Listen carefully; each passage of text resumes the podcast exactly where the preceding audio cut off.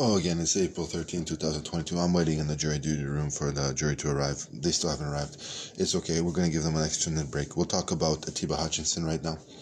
Atiba Hutchinson is the captain of the uh, national team going to Qatar. Congratulations, Atiba, for qualifying for the World Cup. It's been a phenomenal job there in Turkey and coming back to Canada where you've uh, succeeded in the CONCACAF region. Very good. Very good on you. Congratulations, Atiba. It's been nothing but amazing hard work.